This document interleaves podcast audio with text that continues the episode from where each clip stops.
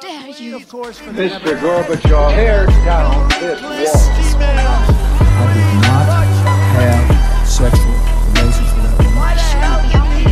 Read my lips. Hell yes, we're gonna take your AR-15. It's your waking AK. up. I have a dream. Ja, velkommen tilbake til eh, Statsvitenskap og sånn, eh, Tor Jakob Solveig. Det er, eh, ja, det er, vel, er det et år siden vi snakka sammen sist, sånn cirka? Må være det. Ja, jeg tror det. Ja, vi, vi, vi, vi har jo fulgt dette Du har vært sentral i dette bondeopprøret, eh, som virkelig satte søkelys på eh, vilkårene, eh, og de dårlige vilkårene, eh, og inntektsgapet som bøndene har kjempa hardt for å få tetta gjennom jordbruksoppgjøret, og som eh, det skjedde en viss utvikling med. I årets jordbruksoppgjør i, i 2022, altså hvor partene til slutt blei enige om 10,9 milliarder eh, til bøndene. Og det var jo eh, uansett eh, et historisk oppgjør. Eh, men så er jo spørsmålet eh, er det bra nok. Eh, går det langt nok? Eh, og er, er dette grunnlag for å på en måte avblåse bondeopprøret og si at man er fornøyd? Og da tenkte vi da er det jo eh, veldig fint å snakke med deg igjen, eh, Tor Jakob, som har stått, vært så sentral i denne i denne bevegelsen. Eh, først, og, først, først og fremst, eh, din vurdering av jordbruksoppgjøret og det du tenker er viktigst der? Ja, det er eh, veldig interessant det som har skjedd. eh, og det er jo historisk, det er ikke tvil om. Det er et historisk stort eh, jordbruksoppgjør som har kommet i havn. Det er ikke til å stikke under en stol. Eh, Det som er interessant, er i og for seg det som vi har varsla om hele tida, for å ta det litt i rett rekkefølge. da. Så pga. den ekstreme kostnadsveksten som i hovedsak har kommet etter vi etablerte eh, eller bondeopprøret, for vi, vi reagerte jo på at det var eh, budsjettnemnda, mye av tallgrunnlag og beregning av bondens inntekt som vi mente var det svake punktet. Og, og det handler ikke om hva bonden skal tjene, det handler bare om at det skal beregnes på en riktig måte. Eh, og Der ble jo Grytten-utvalget satt ned av forrige regjering, og de skal jo nå snart levere eh, sin rapport, så den blir jo veldig interessant. Så det er jo ett spor. Eh, Et annet spor som vi hele tida har varsla og, og vært veldig tydelige på, er at vi mener jordbruket burde krevd tilleggsforhandlinger når kostnadene eksploderte så mye, fordi at eh, vi frykta at årets jordbruksoppgjør da, hvis det ikke ble gjennomført tilleggsforhandlinger, for det første så gjorde den da at bøndene fikk dårligere likviditet fordi at de ikke fikk tilført kapital når mye av kostnadene eh, eksploderer og du har løpende utgifter som stiger mens inntektene dine står helt i ro, så presser det spesielt de bøndene som er nyoppstarta eller de med dårlig likviditet. Da. Presser de til å ta dårligere valg enn nødvendig. Og Det har vi jo sagt eh, høyt og tydelig og pressa på. og Sandra Borch var jo ute og til slutt etter mye press måtte si at eh, hun oppfordra bøndene til å legge til grunn at det skulle lønne seg å dyrke matkorn. Det var så langt hun kunne strekke seg. Eh, og det, det har jo til en viss grad svart ut svakt, vil jeg si. Det har ikke blitt noe boost i kornøkonomien heller. Eh, Det, det som en kan si som eh, vi varsla mot, da, det er det at eh, pga. at det ikke ble kjørt tilleggsforhandlinger, så endte en egentlig opp med at alle disse kostnadene, som egentlig er økte kostnader helt fra 2021 og i 2022, som det vi er nå, og inn i 2023, som vi forhandler om, de blir sausa sammen. Og Det blir jo en kjempestor pott. og Den som er vinneren her, sånn, må jeg si kanskje er eh, Senterpartiet og Arbeiderpartiet, og ikke landbruket. da, fordi at eh, Hvis du snakker om noen som har blitt tilbudt eh, 10 milliarder, så blir det liksom helt feil å si at det ikke er bra nok. Men problemet er det at eh, egentlig det vi bønder skal normalt forhandle om i et jordbruksoppgjør, er jo inntektsmulighetsutvikling. Og det er jo den som det høye tallet tar fokuset mye vekk ifra. Da. Og så ser vi når vi kom da i, eh, til at budsjettnemnda eh, legger fram sine tall, der sitter det jo folk fra faglaga, eh, både Bondelaget og Bonde- og småbrukerlaget, men også finans og NIBI og forskjellig. Og de la fram estimater som eh, vi ganske kjapt plukka fra hverandre, at de hadde estimert altfor lave kostnadsøkninger. Annet særlig elefanten i rommet har jo vært kraftfôr, da, som de har estimert veldig svak kraftfôrprisstigning. Og pga. at eh, det norske kornet har vært billigere enn utenlandsk korn, så har nok møllene brukt ekstra mye av det norske kornet. Så framover nå, fram til det blir tresking igjen, så tror vi at kraftfôrprisen vil kunne øke enda mer, fordi at det importerte kornet blir enda dyrere. Og, og Det er veldig interessant å dessverre se at den får rett. Da, at det er veldig stor sannsynlighet nå for at de kostnadsestimatene ikke holder tritt. Nå har riktignok prisen på nitrogen gått litt ned, men, eh, men, det er fortsatt veldig mange kostnader her som er skyhøye. Og, og, så er det en annen ting, og det er det at når vi kom inn i jordbruksforhandlingene, da, så, så gikk vel det i og for seg greit. Vi var jo ganske letta når jordbrukets felles krav var så høyt som det det var. Fordi at de har jo tidligere ikke krevd det som vi har trengt, mens nå i praksis gjorde de mer det. Det som var den store svakheten som jeg mener faglagene bomma stygt på, det var det at de ikke klarte å egentlig forklare hvorfor den skulle trenge 100 000 per årsverk, tydelig nok. Eh, og det i tetting av gap, da. Og det Eh, for vi mener jo at eh, vi har god belegg for at gapet mellom gjennomsnittet i samfunnet og bonden er 400 000 per årsverk. Eh, og det har vi lagt fram regnestykker på, som ingen egentlig har klart å si at der er feilen, eller dere har juksa, dere har gjort sånn og sånn. Så i løpet av et år så har ingen klart å si at det regnestykket er feil. Men det som er viktig å si, da, det er det at ja, vi var veldig letta når landbruket hadde et stort felles krav, men summene Eh, vi er opptatt av, er jo tetting av gapet. Det er det det handler om. Eh, og så ble det jo statens tilbud også var jo i og for seg høyt. Jeg var veldig fornøyd når det kom eh, i starten. Første reaksjon var positiv, den, utvilsomt. Men når en begynner å se under tallet av hva som ligger bak, så ser vi jo det at eh, dette var langt fra det vi hadde håpa på. Eh, og det vi ser, da, det er det at uh, de de legger egentlig opp til en politikk som er en videreføring. altså Du får dekka mye av kostnadsøkningene, men svært mange av produksjonene vil eh, ha en veldig usikker utvikling på økonomien framover også. Og Det som er interessant, det er jo det at det er ingen nyheter som har kommet i det siste som sier at nå kan dere roe ned og, og uh, heller produsere det som dere pleier. Alle signaler fra verden rundt oss sier at vi bør prøve å produsere det vi kan nå. Eh, og Det er jo det som er så utrolig viktig nå, at eh, vi klarer å få til en endring i politikken som gjør at eh, vi får til økt norsk selvforsyning. For det er jo det regjeringen har sagt at de ønsker. De ønsker å øke selvforsyning opp til 50% Og vi mener at motytelsen mot det er jo i og for seg eller Resultatet må jo bli jamstilling, at den norske bonden får avkastning på kapitalen sin og får en, en mulighet til sosial sikkerhet, dvs. Si lønn, som andre i samfunnet. Eh, så de to tinga henger sammen. Det må bli mer lønnsomt å dyrke norsk, norske planter. Det er jo det alt starter med. Så skal en øke norsk selvforsyning, så må en øke norsk eh, planteproduksjon. Eh, og det er fullt mulig.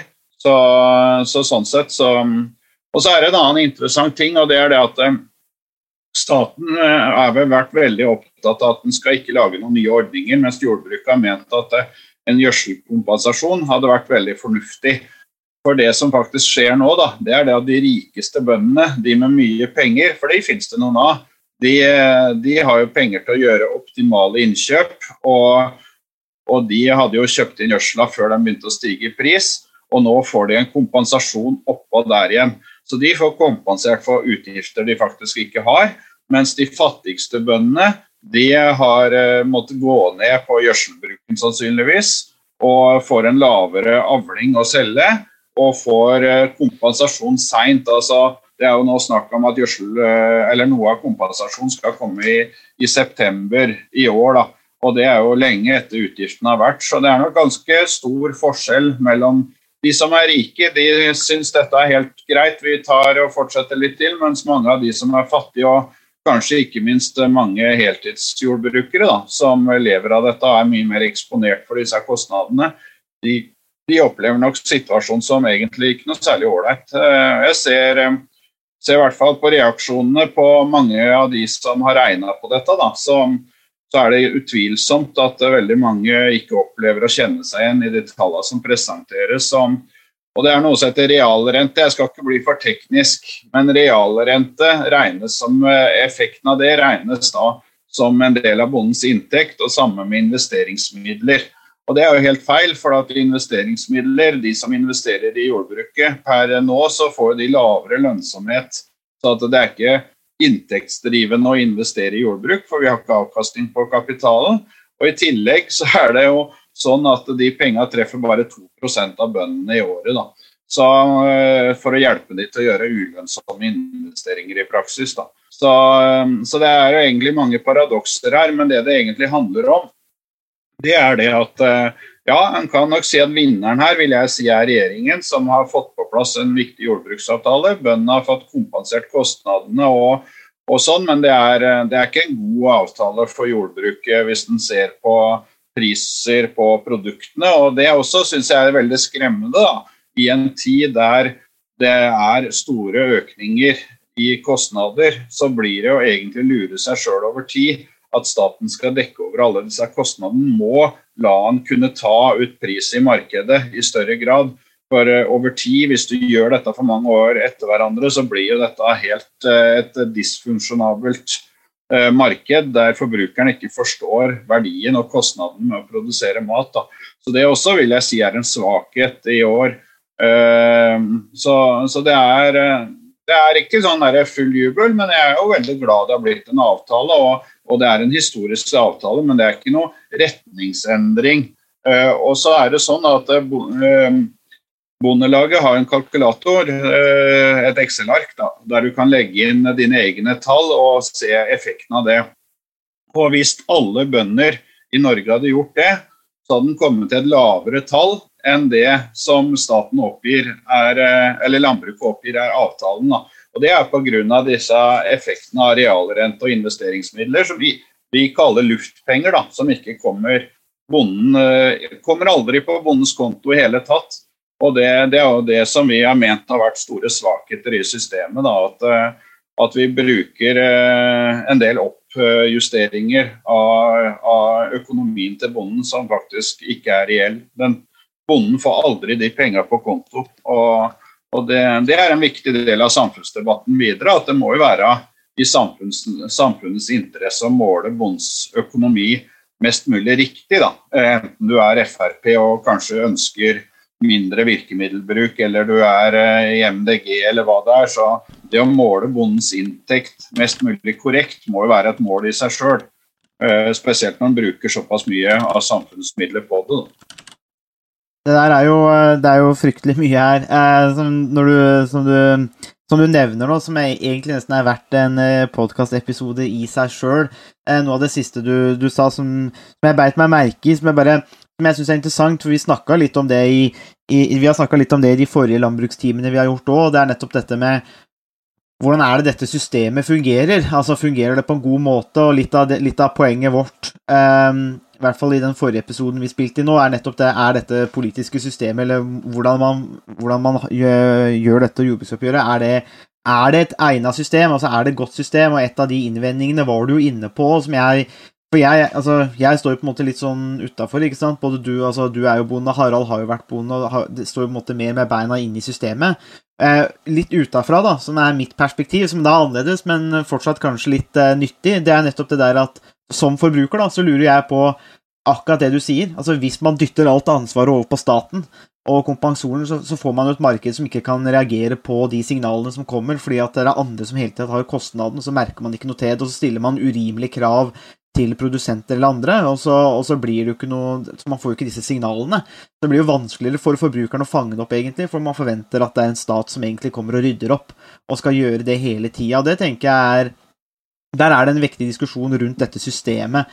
Eh, og det som også biter meg merke er at det, altså, eh, det er jo det at, at, som du nevner, da, eh, og det er jo nettopp dette med at kanskje bakgrunnen for årets jordbruksoppgjør har jo vært krise. Altså både pandemi og krigen i Ukraina og behov for sjølforsyning eh, og, og, produksjonsbehov og disse tingene. Men, men, men, du sier jo du også at det er, det er, ikke noe retningsendring her, og man har ikke gjort noe kanskje med systemet og strukturen. Um, og det er jo to forskjellige diskusjoner. Ja, det er spørsmålet på en måte, Får man et godt jordbruksoppgjør pga. ekstraordinære konsekvenser, men ikke pga. det som du nevner da, med budsjettnemnda beregningsgrunnlag? Og da er man jo egentlig like langt, eh, langt på vei, for det blir jo ikke krise hvert år. Um, I hvert fall ikke på den måten, slik at da kommer man kanskje ikke like langt. Men eh, så med det som bakgrunn, da, og det at eh, bøndene krevde 100 000 kroner i inntektsgap, hvordan, eh, bare, hvordan vurderer du f.eks. neste år, to år framover, tre år framover, dette muligheten for å faktisk få dette nå disse 100 000 kronene, for det vil jo også øke da, med inflasjon osv., så, videre, så det blir jo mer etter hvert. Men hvordan, tror du, hvordan ser du på de mulighetene og utsiktene for det? Nei, Jeg forutsetter at regjeringen følger opp det som de har sagt. da. Om, eh, eh, men nå vil vi jo se når Grytten-utvalget kommer med sin eh, rapport. Og den skal jo igjen politisk behandles. Men det som er den store forskjellen tror jeg nå, det er at veldig mange bønder og andre som er interessert i dette, følger med. Sånn at staten kan ikke lure oss for mye. For det er mange, mange, mange vaktbikkjer nå som følger med. og passer på at dette skal bli et mer redelig spill. da. Uh, det er eh, staten som har, og helt sikkert i framtida også vil være den sterke parten, har kanskje dratt strikken litt for langt og kjørt landbruket så langt ned at det har blitt kraftige reaksjoner. Og Det en må på en måte prøve å lande nå, da, det er jo å få ro i næringa. Det er jo alltid det en stat vil ha ønske, sannsynligvis, å ha ro. Og, og at det er passe dårlig for alle, da, i og for seg. Men, eh, men, jeg tror nok eh, noe av det viktigste vi har oppnådd med bordet, det er jo i og for seg at flere bønder regner på egen årsbruk og kanskje mener at eh, vi skal ha en verdi som andre i samfunnet og en sosial sikkerhet. da. For det er jo det som på en måte det handler om, at vi blir jo en slags underklasse i samfunnet, vi som aktive bønder og produserer mye mat, mens de er mer deltidsbønder og har, eh, har inntekta si. Altså Hvis Harald hadde fortsatt som kornbonde, da, så hadde du jo vært en bonde på papiret, og du hadde produsert mat og gjort mye bra, eh, men du hadde sannsynligvis ikke hatt din sosiale sikkerhet knytta opp til matproduksjon. Og Det er jo det som er den, egentlig den store nøkkelen her for mange av oss som, som lever av dette. Da, at Vi ser at vi blir utrolig sårbare, og når en ikke heller da har en avkastning på det en har putta inn, så, så vil en jo alltid prøve å putte de pengene der de gir en bedre avkastning tilbake. Så et tydelig eksempel på det er en kamerat av meg i Trøndelag som nå planlegger å ikke investere så mye i gården sin, men heller bygge om eh, ene huset på gården til mange leiligheter da, og bruke litt penger på det. Og Det er jo fordi at det gir en avkastning tilbake i forhold til å utvikle gårdsdrifta. Så pengene vil jo hele tida søke dit det gir en avkastning. Eh, og ikke, En ting er å drive et lite gårdsbruk videre fordi at en syns det er viktig. En annen ting er når vi snakker om disse millioninvesteringene som, eh, som er foran oss nå. Da, og ikke minst eh, hvis vi da ønsker å ha økt selvforsyning, så betyr jo det at vi må planlegge for en aktiv politikk som gjør at vi bruker, men produserer mer planter i Norge. Det er jo der alt starter. Eh, så og det, det, er verdt vært et tydelig mål på 50% så det, Og du får ikke til 50% uten en eh, rad, ganske radikal endring av politikken. Det er jo det som er nå, da, at de Hurdalsplattformen er jo ganske tydelig. I for seg på en del helt kjernegrunnleggende ting. Og så ser vi Regjeringen har jo sagt at i løpet av 2022 skal komme en tidfesta målretta plan, konkret målretta plan for hvordan dette skal løses. Så eh, Det neste halvåret blir jo vanvittig interessant. Og så blir det også veldig viktig nå hvordan eh, For mye av handlingsrommet i tollvernet i Norge er per nå brukt opp. Dvs. Si at vi må gjøre endringer i tollen skal vi klare å øke og ta ut mer på pris i Norge. Og det, det blir jo kjempeviktig. og Jeg tror regjeringen gjør veldig lurt i å gjøre så mange endringer der samtidig som mulig. Da. Fordi at eh, Det kommer jo alltid med en viss uro, men, eh, men eh, det er nå et valg mellom flere onder. og Jeg tror de gjør lurt i å, å, gjøre dette grepet så tidlig som mulig. For hvis de ikke gjør det, så vil jo de få krøll ut sin regjeringsperiode og ikke bli gjenvalgt, sannsynligvis. Fordi at de vil ikke klare å følge opp egen politikk på kjerneområdene. Så, så, de må nok levere på det. Så Så De har lagt eh, lista høyt, og vi pressa de kanskje til å legge lista en del høyere enn det de hadde tenkt. Men, eh, men de har nå valgt det sjøl, så, så, vi forventer at de gjennomfører egen politikk. Ja. Helt klart. Ja, Harald, det er jo det er en, en, en, rekke faktorer. Du er jo, som vi påpeker noen ganger, for enhværende bonde. og hadde du, hadde du overlevd, hadde du hatt sosial sikkerhet Eh, og framtidsmuligheter eh, hvis du hadde holdt fram som eh, en stor eplebonde eller lagt om til korn? ja, altså jeg, tror nok den jeg, tror nok det har, vært en, det har vært et generasjonsskifte innenfor landbruket også, som har vært med på å, å skape det, det bondeopprøret som Tor Jakob har vært, vært, med på. En del av den eldre generasjonen eh, som har vært bønder tidligere, de har eh, kanskje ikke helt sett på eh, behovet eh, for den sikkerheten som mange unge i dag opplever at mange av deres venner og andre har i, i, andre jobber. Og at det er blitt et tydeligere og skarpere skille mellom landbruket og det å ha en jobb i, i andre, andre, næringer eller i, uh, innenfor andre sektorer. Der har det vært en uh, ganske, ganske, stor utvikling, uh, de, som egentlig kanskje har utgangspunkt i et generasjonsskifte også. De, de, som er unge i dag, de, de, aksepterer ikke den usikkerheten eller det å måtte gå og spinke og spare som kanskje foreldregenerasjonen har har gjort i, i, større grad. Og det er også et uttrykk for at uh,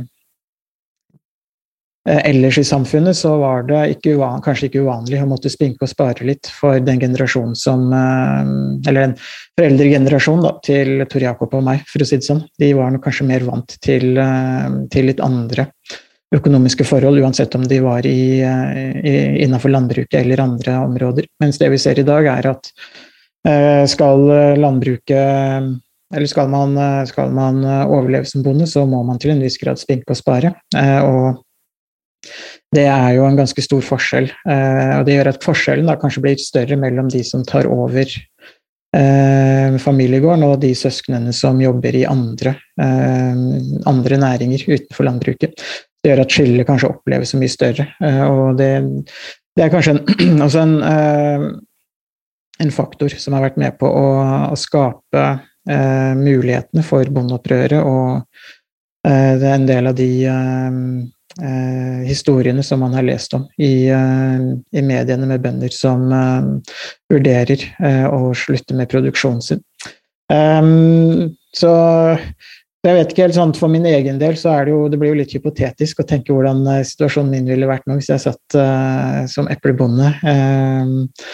Uh, I tillegg til til å være statsviter. Men eh, det vil, altså, jeg har jo kjent på mange av de utfordringene som, eh, som bondeopprøret og Tor Jakob har vært inne på, så jeg vet, det, jeg vet absolutt hvordan det, hvordan det føles eh, når regningene strømmer på og ting skal gjøres og um, man, man, føler et press fra, fra, mange kanter. Så jeg vet absolutt hvordan det, hvordan det, det føles. Men jeg, jeg synes det er interessant det Tor Jakob eh, var inne på, eh, om at eh, årets jordbruksoppgjør egentlig ikke innebærer noen direkte kursendring eh, av politikken.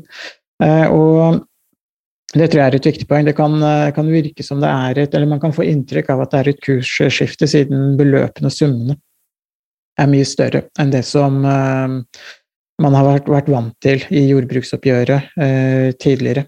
men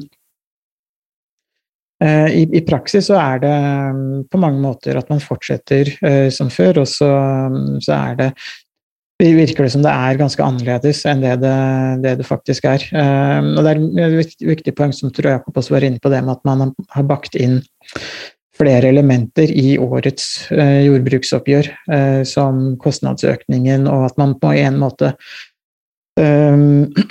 så omhandler jordbruksoppgjøret egentlig momenter og aspekter som har pågått over, eh, over, en lengre periode, og som egentlig da gjør at når man tar med kostnadsveksten som i, begynte å komme i 2021, eh, og, årets situasjon, og også at jordbruksoppgjøret jordbruksoppgjør for neste år Eller man handler, også forhandler om vilkårene for neste år, så blir jo egentlig at man uh, delvis At jordbruksoppgjøret delvis handler om tre, tre år, at man har tre år i På en måte i én jafs, og det gjør jo også at summene blir mye større. Men det er jo også interessant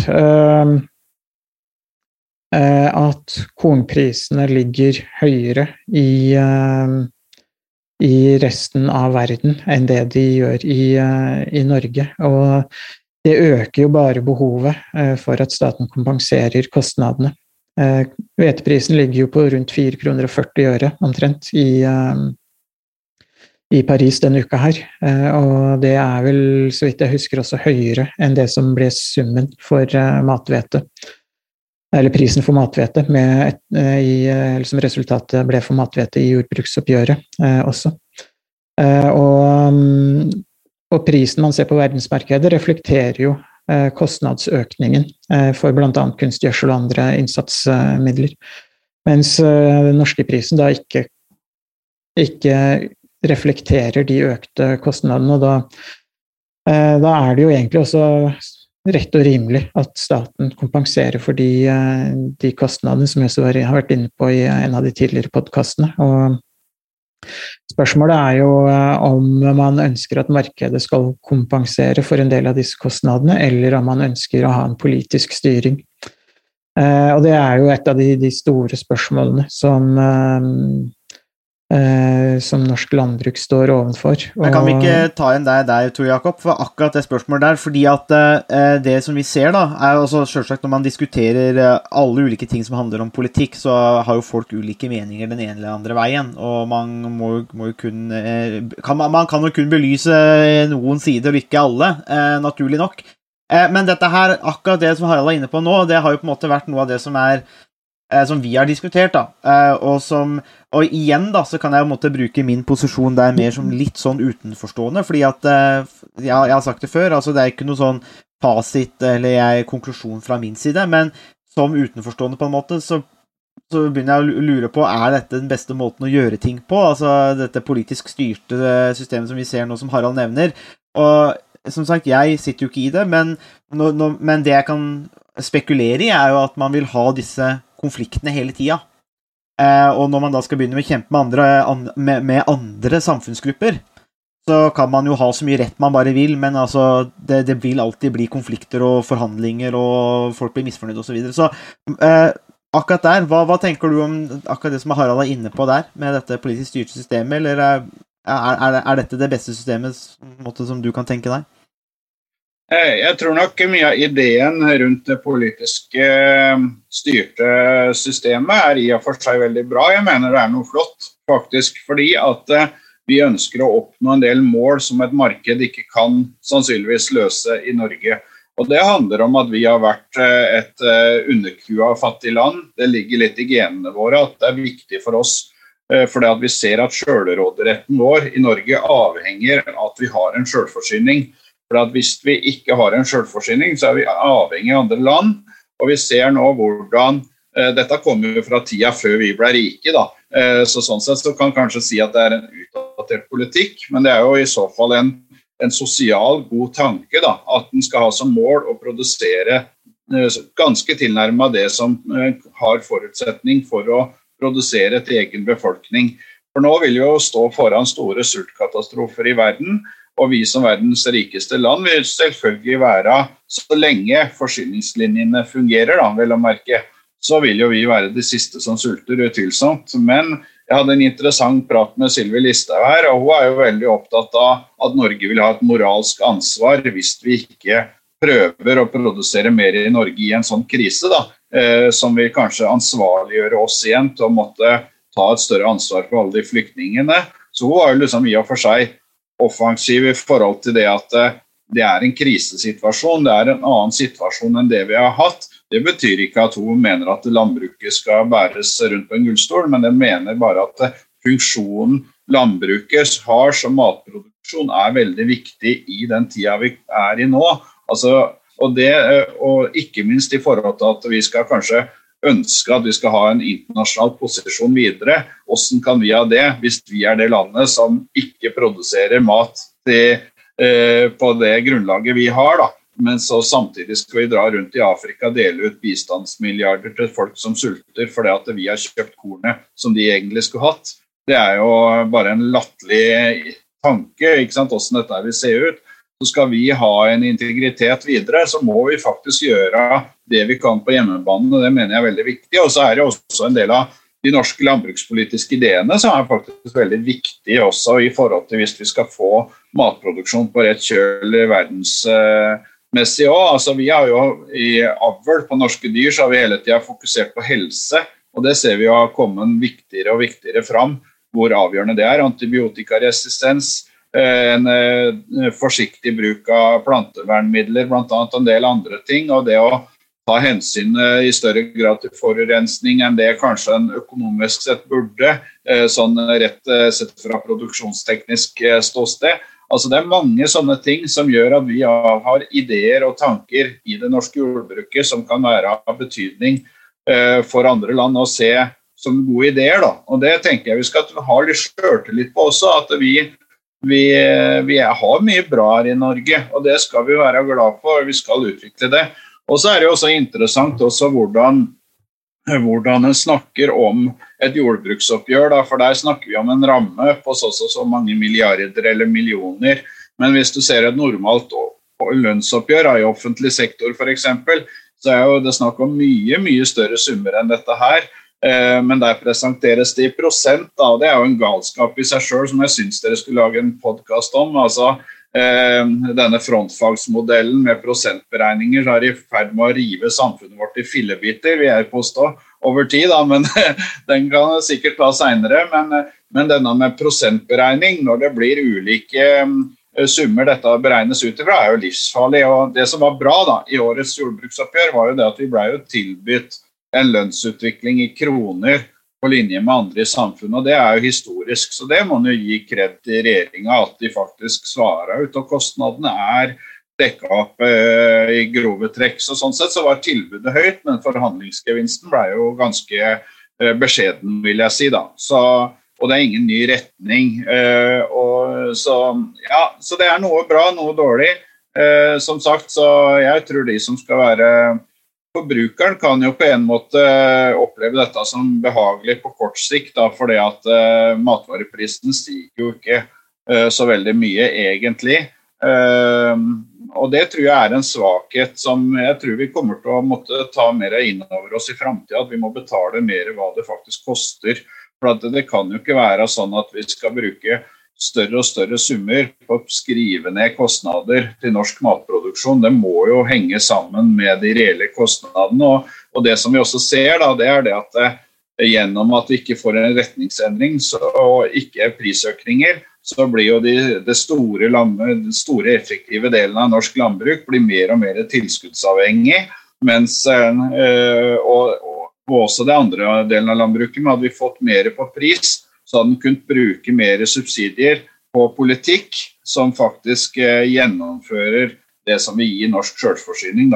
Så, så, jeg vil si at det er en, eh, en, en, trend som må snus. det at eh, Prisene må opp, sånn at vi kan bruke mer av virkemidlene der de faktisk trengs. Og at det må være en grunnleggende økonomi i bånn på flatbygdene, uten at en hele tida skal putte på med mer og mer subsidier for å holde eh, produksjonen oppe. Så, så, vi må ha en mer realitetsorientering i forhold til priser, og da må det jo til tollendringer. da. Eh, men så er det også det at pga. de internasjonale prisene stiger veldig mye, så er jo handlingsrommet i tollvernet kanskje noe bedre, da, for at utlandet, eller kostnadene utenlandet har jo også eksplodert, da, så selvfølgelig.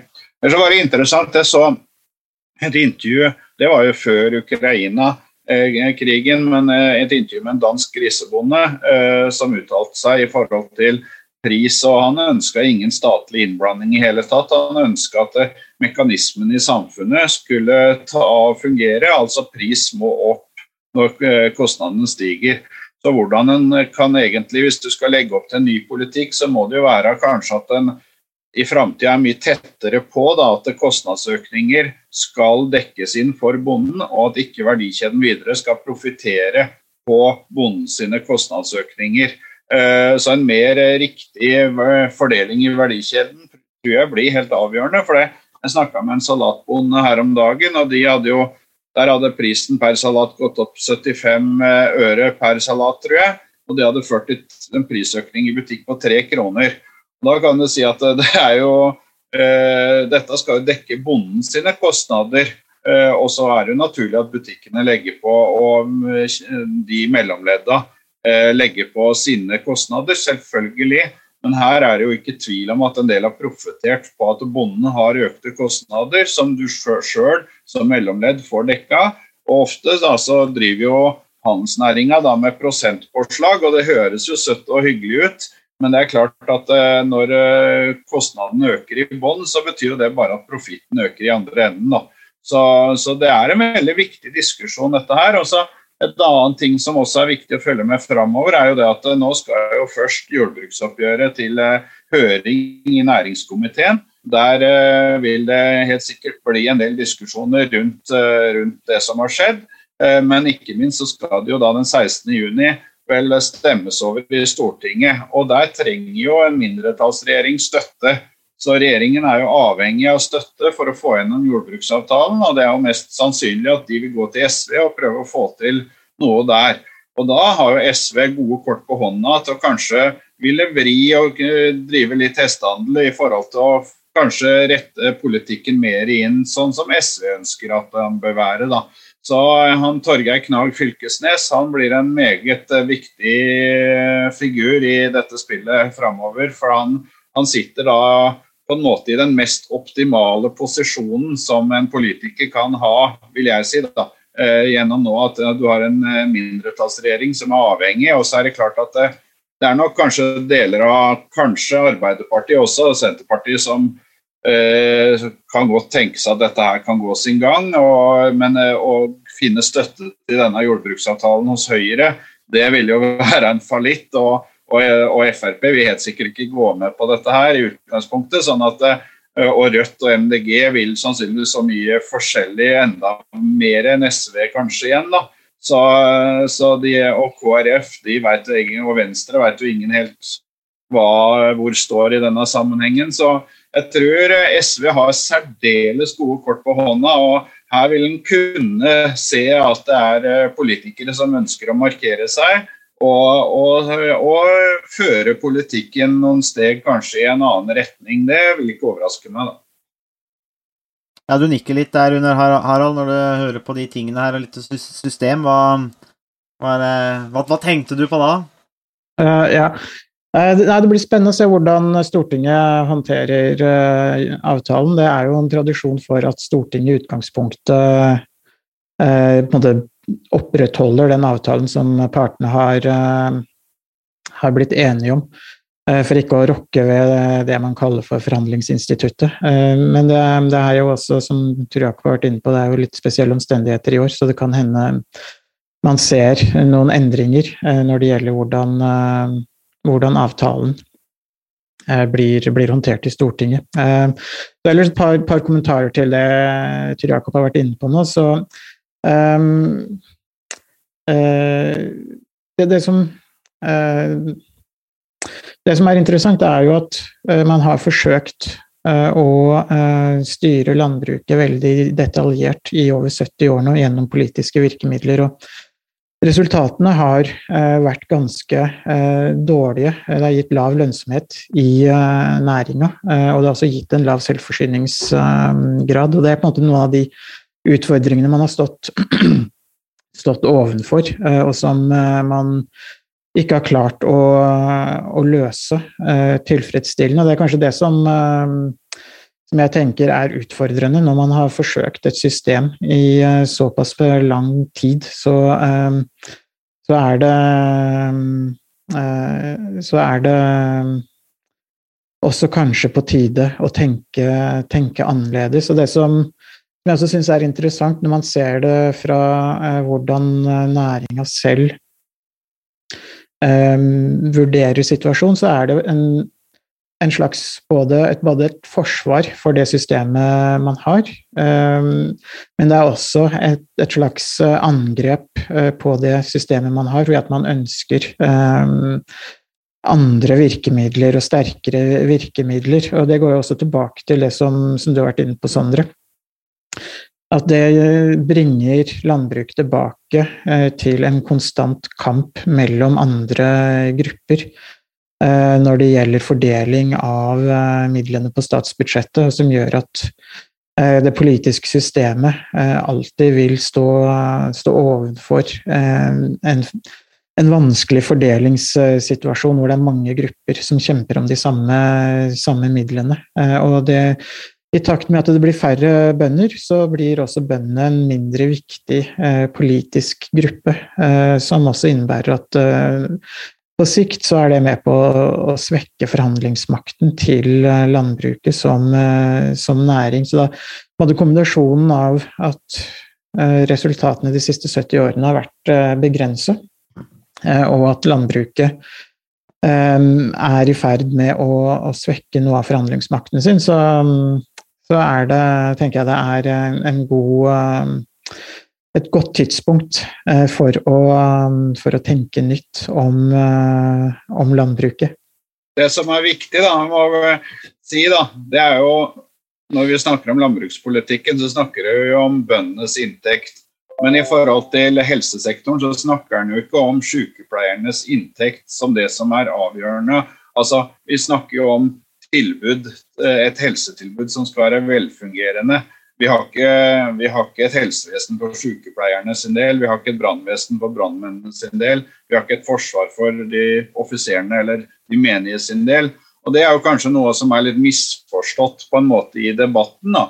At eh, ja, det måles veldig på Eh, inntekt for bonden.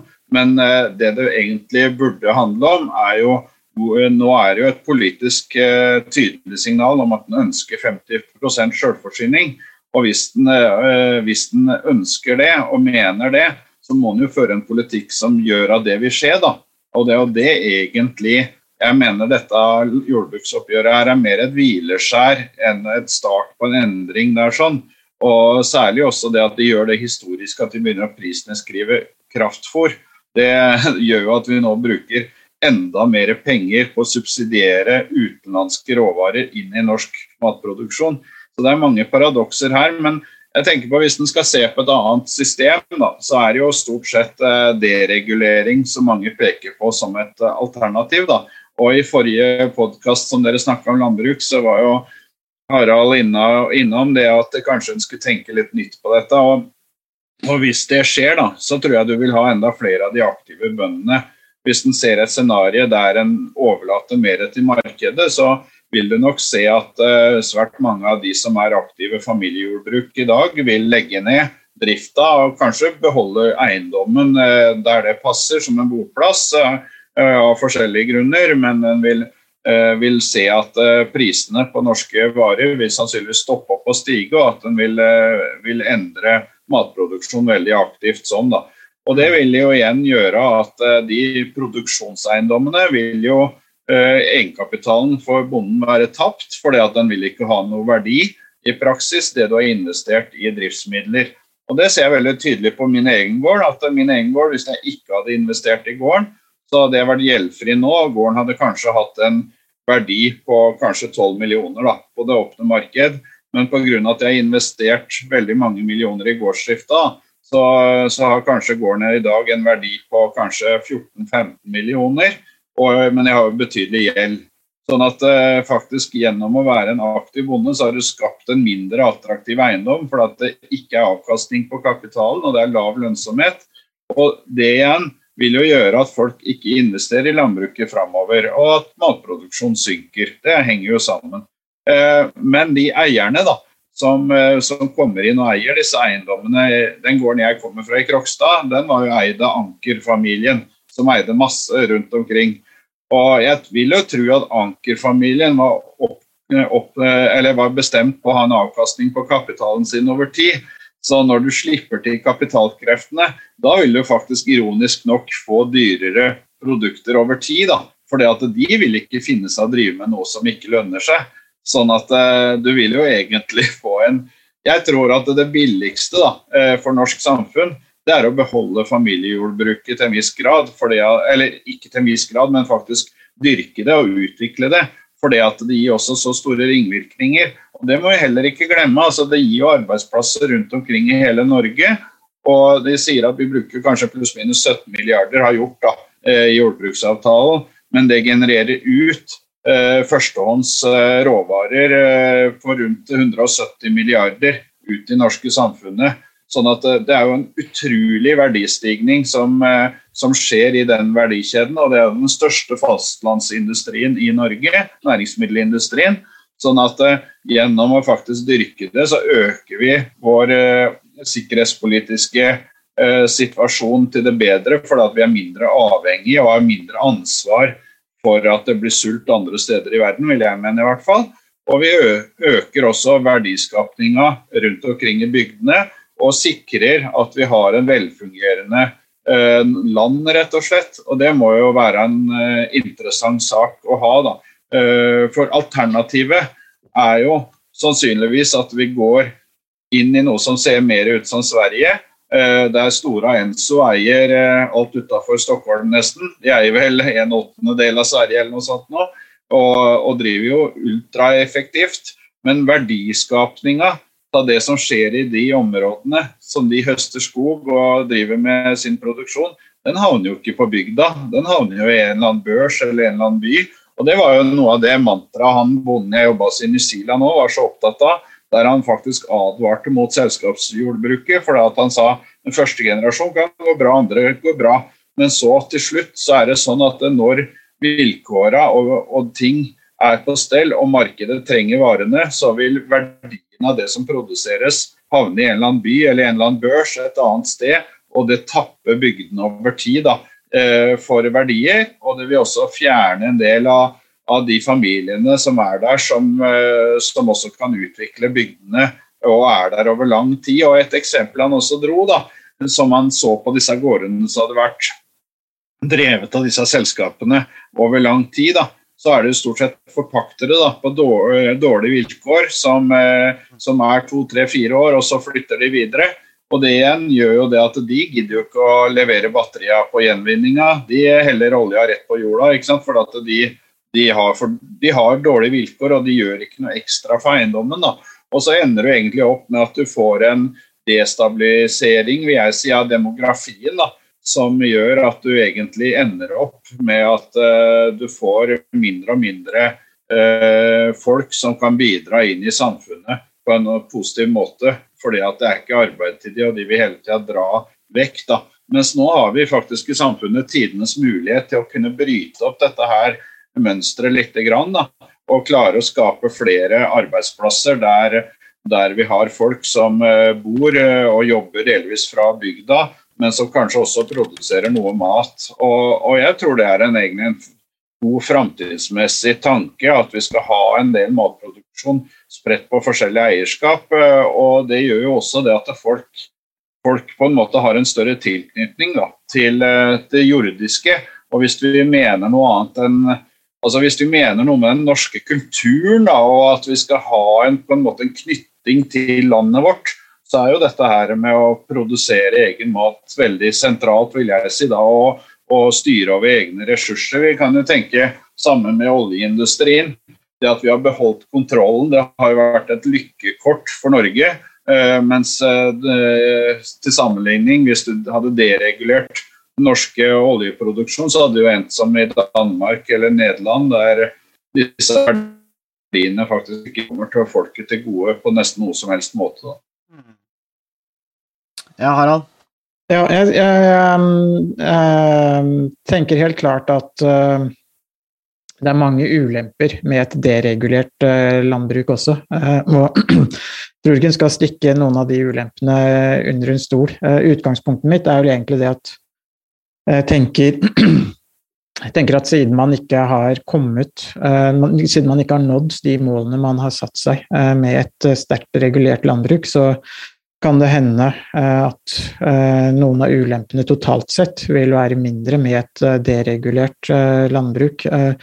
Det har også litt utgangspunkt i at sånn som situasjonen er i dag, så skal en ung familie ta over et gårdsbruk eller kjøpe et gårdsbruk på, det frie markedet så, og sette i gang med en produksjon av et visst uh, omfang, nærmest uavhengig av om det er husdyrproduksjon eller planteproduksjon eller hva slags produksjon det er snakk om, så kreves det veldig store uh, investeringer i maskiner, i Eh, bygninger, eh, drenering, kjøp av jord, eh, leie jord. og Det krever ekstremt mye kapital. Og for en ung familie, f.eks. slutten av 20-åra, begynnelsen av 30-åra, som skal etablere seg, så vil det økonomiske løftet være utrolig stort. Det er jo snakk om summer på minimum 10 millioner og oppover. Og i en sånn situasjon så, så, tenker jeg at det er i mange situasjoner en for stor risiko for en ung familie å ta. Da er det bedre å, å, rett og slett overlate det til profesjonelle investorer som kan ta risikoen, og som kan gå konkurs hvis det ikke går, og som heller får tjene penger hvis det, hvis det går bra. Og det, jeg tenker det vil være bedre for, eh, for, mange familier enn å sitte i eh, nedsylta i, eh, i, masse gjeld som de knapt får betalt ned, og som gir en veldig usikker økonomisk situasjon for, for de familiene. Er det ikke egentlig det premisset som egentlig du uh, Altså, problemet er jo at det ikke er avkastning på kapitalen. For det at hvis vi, uh, vi, har jo hele tida i bondeopprøret sagt at eh, vi må skille ut kapitalen, sånn at vi uh, kan måle om kapitalen har en avkastning eller ikke. og Det bør være i, i samfunnsinteresse òg, for at motsatt vei da, så kan du også måle om kapitalavkastninga er for høy, altså at bonden tar for godt betalt. Per nå er ikke det et spørsmål. Hadde du gått inn i dagligvarehandelen f.eks., så kunne du sannsynligvis finne eksempler på en for god profitt. Og I forhold til vannkraft i Norge, da, så er jo det justert da, eh, og regulert der òg. Og de har jo en fast, fast, bestemt avkastning på nettet og sine investeringer som skal uh, gi de forutsigbarhet. Og Det er jo det vi prøver å be om, at, eller forventer egentlig at vi skal få en avklaring på. for Det er ikke noe problem for en ung familie å investere sånn som du sier, om det er 10, om det er 20 eller 30 millioner, så lenge det er en fair deal så lenge det er en avkastning på kapitalen og det gir en, eh, en timesgodtgjørelse som, eh, som, gjør at de sosiale vilkårene er tatt hånd om, sånn at du, du tåler å kunne bli syk, at du kan erstatte deg sjøl med en normalt innleid oppegående arbeidskraft på norske vilkår uten å tape penger. Hvis du kommer dit, så er ikke den risikoen for den familien for stor. Da er den helt håndterbar. Om det er 40 millioner, det er ikke noe problem, for at du har et system som fanger opp at du skal ha en grunnleggende lønnsomhet. Det som er svakheten med den norske jordbruksmodellen, er jo at den har vært underfinansiert over veldig lang tid. Og det vi ser, er jo det at pga. at eh, disse kostnadene som vi som er aktive bønder hele tida eh, får beregna som vår inntekt, altså vi har oppblåst inntekt da, med leie leieutgifter som blir regna som jeg snakka om tidligere, at vi ikke tjener, vi som er aktive matprodusenter, mens mange som eier en gård og leier bort jorda eller blir passive, de har i hvert fall en kapitalavkastning gjennom leieinntekter, enten av jorda, kvote osv., osv. Eller fristilt plass i låven som de før hadde produksjon, som det nå er leid bort i lager. Da har de jo en kapitalavkastning. så vi må snu systemet så at det lønner seg å produsere. Det er det det egentlig handler om. og det å, å skille ut egenkapitalen så at du kan måle om dette lønner seg, og at det også ikke lønner seg for mye. For det, det forstår jeg at skal du bruke samfunnsmidler, så kan det ikke være for lønnsomt. Men å måle det sånn at det ligger sånn uh, akseptabelt, det må være helt naturlig. For at uh, Alternativet det er jo kollaps, og, og det er jo ikke det vi trenger nå. Så, så jeg tror at uh, sjøl for Frp så burde jo det å ha et rett tallgrunnlag være en kjempegod sak. For da veit du i hvert fall hvordan penga fordeler seg. Og og også ikke minst i verdikjeden for mat, så er det helt grunnleggende at det, det må være en eh, Ikke være sånn at eh, det som en inntekt for de andre i verdikjeden, det, det ligger helt grunnleggende at det kan ikke være sånn som et prinsipp. Eh, så, så, det er viktige ting å ta tak i, men jeg tror det er håndterbart hvis det er vilje. Hvis det ikke er vilje, så kommer generasjonen som min gjøre som Harald, si pent og hyggelig takk for nå, dette var hyggelig det varte, og så vil den kapitalisere og ta ut verdien den har, og finne på noe annet. Uh, og det, det, hadde egentlig vært mer realt at den fikk en beskjed om at uh, dette ønsker vi ikke å fortsette med, og så kunne vi forholde oss til det, enn sånn som det er nå, der en egentlig er i en spagat. Der, uh, og så er det også interessant at dårlig lønnsomhet gjør også at mange tvinges til å kanskje måtte prøve å kompensere for det med å drive enda større igjen. da som, eh, som, gjør at det blir et eh, høyere investeringsnivå, høyere investeringsnivå. Og så til slutt så er det et sted der det ikke er grunnlag for, eh, for drift, og at verdiene dine i praksis er tapt. da, fordi at du har for høye lån i forhold til verdiene dine, fordi at det ikke er lønnsom drift. Mm. Så, Nei, jeg er faktisk eh, enig i mye av det du sier nå, Tyr Jakob. Eh, spesielt at eh, avkastningen og kapitalen må, må Det er jo en selvfølge at den skal, skal, regnes inn. Det er jo et, egentlig et helt vanlig regnskapsprinsipp. At man ikke gjør det, er jo er jo høyst bemerkelsesverdig. Jeg tenker sånn Helt til slutt så, så vil jeg kanskje også si at når man ikke i løpet av 70 år har fått uh, klart å skape politisk vilje uh, for uh, de endringene og den forutsigbarheten som Tur Jakob etterlyser, så, så er det veldig lite som tyder på at man vil klare å skape politisk vilje for den type Eh, handlingsrom eh, fremover også. Og dermed, jeg, og der, dermed, er jeg egentlig helt eh, enig med noe av det siste Tor Jakob sa også. Det er mye mer realt å si at det sies han blir vilkårene og rammebetingelsene. take it or leave it. det er mer realt ovenfor mange som står i den situasjonen og vurderer om de skal ta over et bruk. For sånn som det er nå, så blir mange oppfordra til å ta over eh, drifta og til å utvide og investere. Og så får man noen litt sånn løse eh, lovnader om at eh, man skal jobbe for å bedre lønnsomheten osv., at man skal bruke flere virkemidler osv. Men etter eh, mange mange år så ser man jo at de virkemidlene kommer aldri. Eh, og de, de blir aldri iverksatt, og det er aldri politisk vilje til å, å gjøre det. Og dermed så, så, tenker jeg også Og det er på en måte noe av det som det er, når jeg snur meg fra et mer politisk eh, system til et mer markedsstyrt system, så er jo det også et, et uttrykk for en, en frustrasjon med, med, hvordan systemet fungerte de 21 åra som jeg eh, drev som bonde også. Eh, og det er liksom hele tiden lovnader som aldri blir realisert, og da tenker jeg det er mer realt å Heller advare folk mot, nesten mot å, å, ta over, enn å si at det kommer til å bli bra en gang i framtida, når det aldri, aldri blir bra. Det, er en, det, er en, det, det her ble jo en, en landbruksteam òg. Vi må avslutte nå. Tor Jakob må løpe. Og uh, vi fikk jo, jo vi, vi, ser jo det, det er jo mer å snakke om. Uh, og vi klarte, vi klarte å, å, å, dekke over en del, ikke alt. Eh, og så er det jo alltid artig når vi kan avslutte med, med Haralds litt sånn eh, pessimistiske vurderinger om, eh, om, om framtida og sånn. Og det er jo det, det, det, også er jo en sånn, hva skal jeg si, en sånn eh, deal med statsvitenskap og sånt. Eh, take it or leave it. Eh, som du må få med, med Haralds vurderinger der. Men jeg syns jo det er, det, er, det er veldig fascinerende. poenger.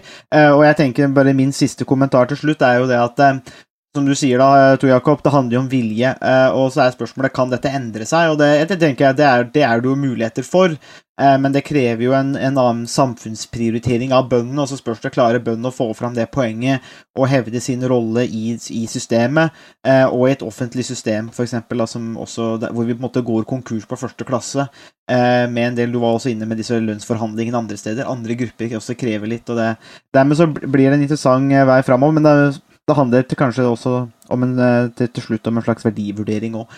Eh, hva man eh, verdsetter der. Og da er spørsmålet Det får vi jo egentlig svar på, da, hvor mye verdsetter på en måte Norge bonden egentlig. da, Det er en slags svar på det. Det er jo ikke noe fasit kanskje i, i podkasten her, men det er jo i hvert fall en vurdering som vi kommer til å se på. Men eh, takk for det, Tor Jakob. Det kan godt hende du, at vi inviterer deg tilbake. Det er, eh, det er veldig fascinerende, syns jeg, å snakke om, og det er i hvert fall veldig viktig òg.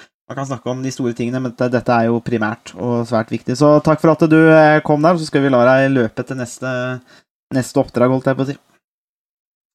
Takk skal dere ha. Takk for at eh, du hørte på Statsvitenskap og sånt. Har du spørsmål, kommentarer eller tilbakemelding, så er det bare å ta kontakt på vår Facebook-side, per e-post eller brevdue. Musikken er som vanlig laget av Robin Horvath, og Mats Halvorsen mikser og redigerer podkasten. Vi høres!